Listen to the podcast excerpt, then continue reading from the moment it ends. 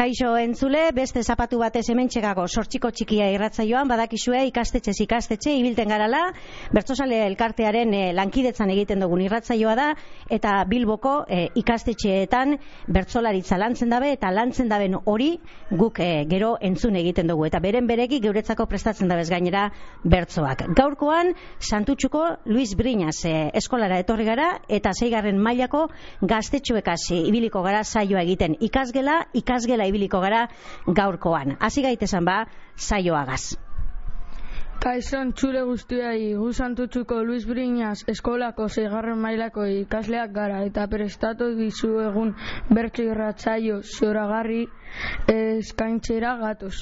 Azken asteotan prestatu dugu eta uste dugu lan ona egin dugula.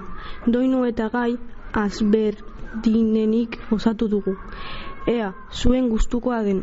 Bizkaia irratia, bertsoak bitate, hau entzungo duzue, Luis Viñas sin fuerte. Bertsoak egiteko, hartzen du parte, irratzaio atxila, prestatu zaitezte.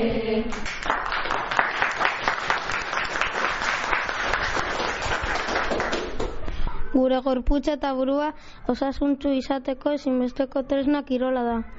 Kirola bere forma ezberdinetan. Guk gure inguruan praktikatzen ditugun kirona ezberdinei buruz albestuko dizuegu. Ordoaz! Zeigarren maiakoek kirola egin behar, kirola eratezeko gatoz oso azkar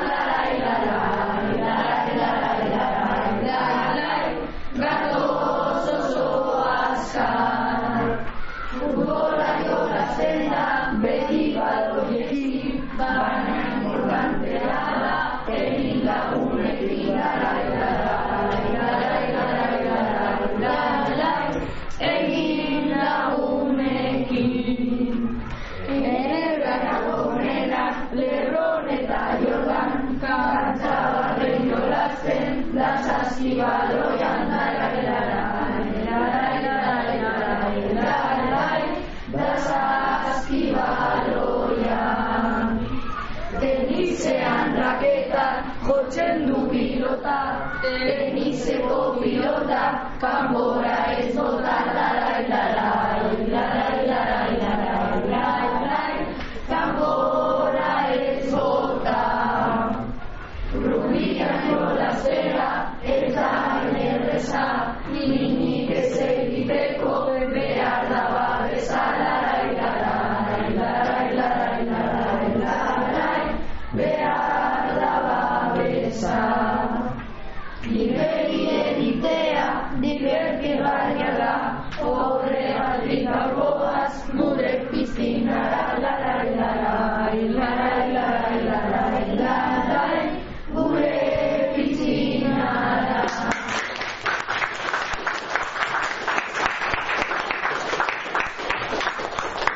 Kirolen inguruan abestu ondoren nekatu egin gara, eta atxeden txiki bat hartzeko asmakizun bat abestuko dizuegu.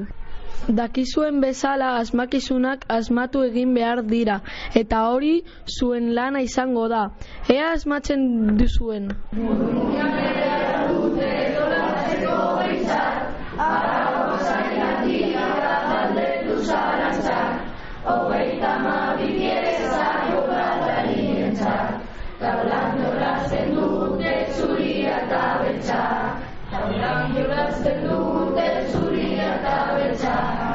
Oso, no? Ba, zer da? Burmuinagaz jolasten dan kirol bat alapentzetan donik, arauak saiak dira, hogeita amabi pieza, taula bat, zuriak eta baltzak, nok erantzungo dau? Nor zara? Iker. Zer da? Txokolatea. Txokolatea, txokolatea da? Ez. Ia, nor zara? Auritz. Auritz, zer da? Zapata bat. Zapatak dira? Ez. Txarto gabiz, ia hemen. Nor zara? Luken. Luken, zer da? Sakea. Sakea bai? Venga, ba, txa- txaloak emon. Luis Breñas ikastetxean jarraitzen dugu, beste ikasgela batera etorri gara, zeigarren maila de bikoekana etorri gara. Gu gabonetako oporrei buruzko bertsoak prestatu genituen abendu inguruan, eta hoiek abestu nahi dizkizugu. Bueno, gabonetako oporrei buruz baino olentxero nola abitu genuen kontatzeko dugu bertso haue. Adi, hasiko gara eta.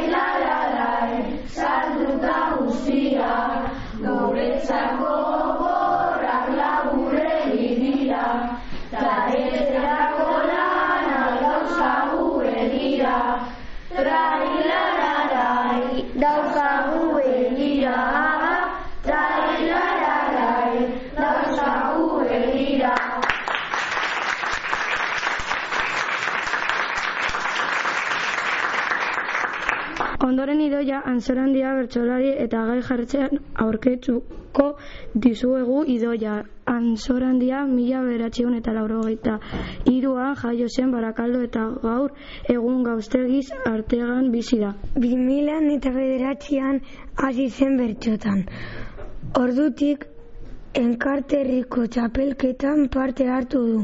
2000 eta amaseiti bizkaiko bertsolari txapelketako gai jartzaile taldeko kidea da.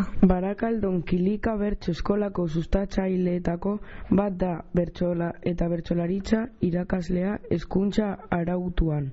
Surf egitea ere gustuko du. Idoia Ansorandiari buruz berba egin dozkue gaztetxoek eta Idoia Ansorandia aipatu behar dugu iaz 2022ko Barakaldoko Carmen jaietarako berak eh, jaien abestiarentzat letrak egine bezala. Zapia jantzi irrifarra piztu e, izena epini utzien kantu horreri, Barakaldoko Carmen jaiak alaitzeko kantuari, eta esandakoa Idoia Ansorandiak, bertsolariak, berak ipinitako letrak daukaz kantuak. Entzun daigun bakantua. Erritmoa disfrutatu, atera zure barneko soinua, barakaldoko auzoetatik zabaldu den oiua. Barakaldarra, benvidos e benvidas a festa, pasámelo ben.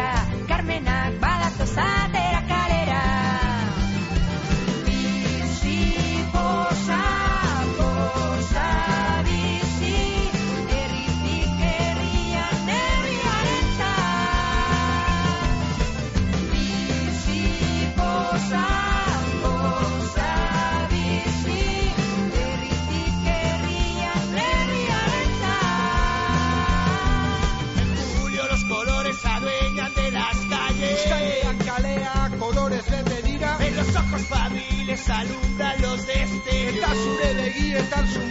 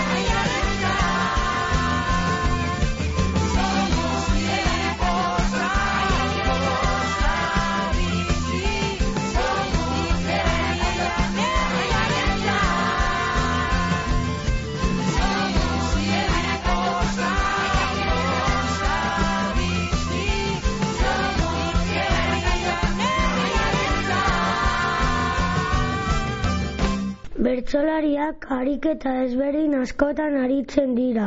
Ofizioak bakarrekoak, garnabaroak, guk puntuari erantzuteko ahalegina egingo dugu.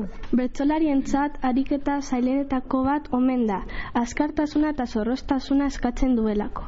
Dena den saiatuko gara eta ea nola ateratzen den. Uda berriko porrak astu alditugu. Gehiago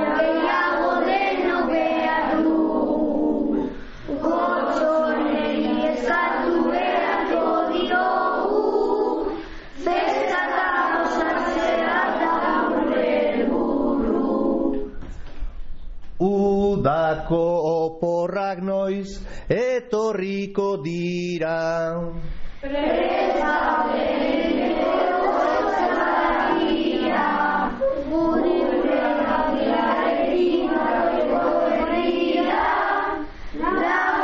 Ikusteko mena dira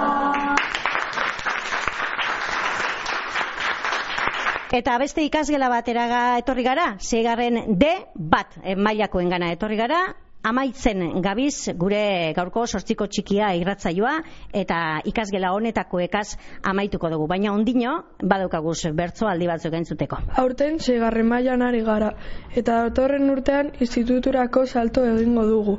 Agian denok ez dugu elkarrekin jarraituko. Horregatik lagunei buruzko bertsoak prestatu ditugu. Oso garrantzitsuak dira, guztion bizitzan eta guztiok behar ditugu. Lagunak dira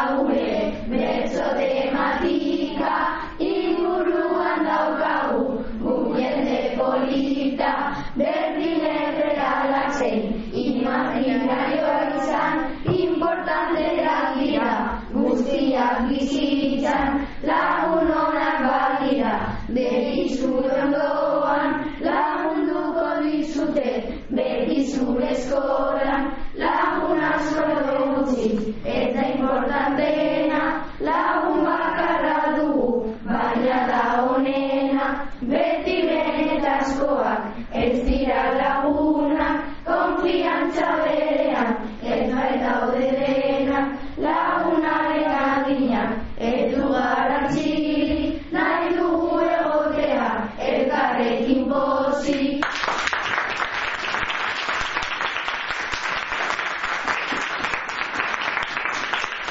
Orain, azmak bat abestuko dizugu.